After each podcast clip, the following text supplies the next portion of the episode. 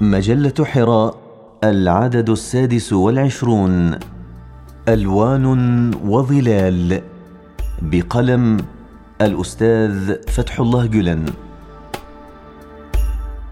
رامي الورود.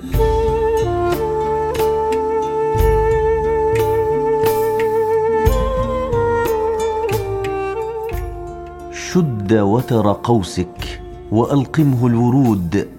وانثر الزهر النضير وعطر الجو بالنفحات وضمخ الأنسام بالعبير لكي ينعم الزمان والمكان بالبهجة والابتسام.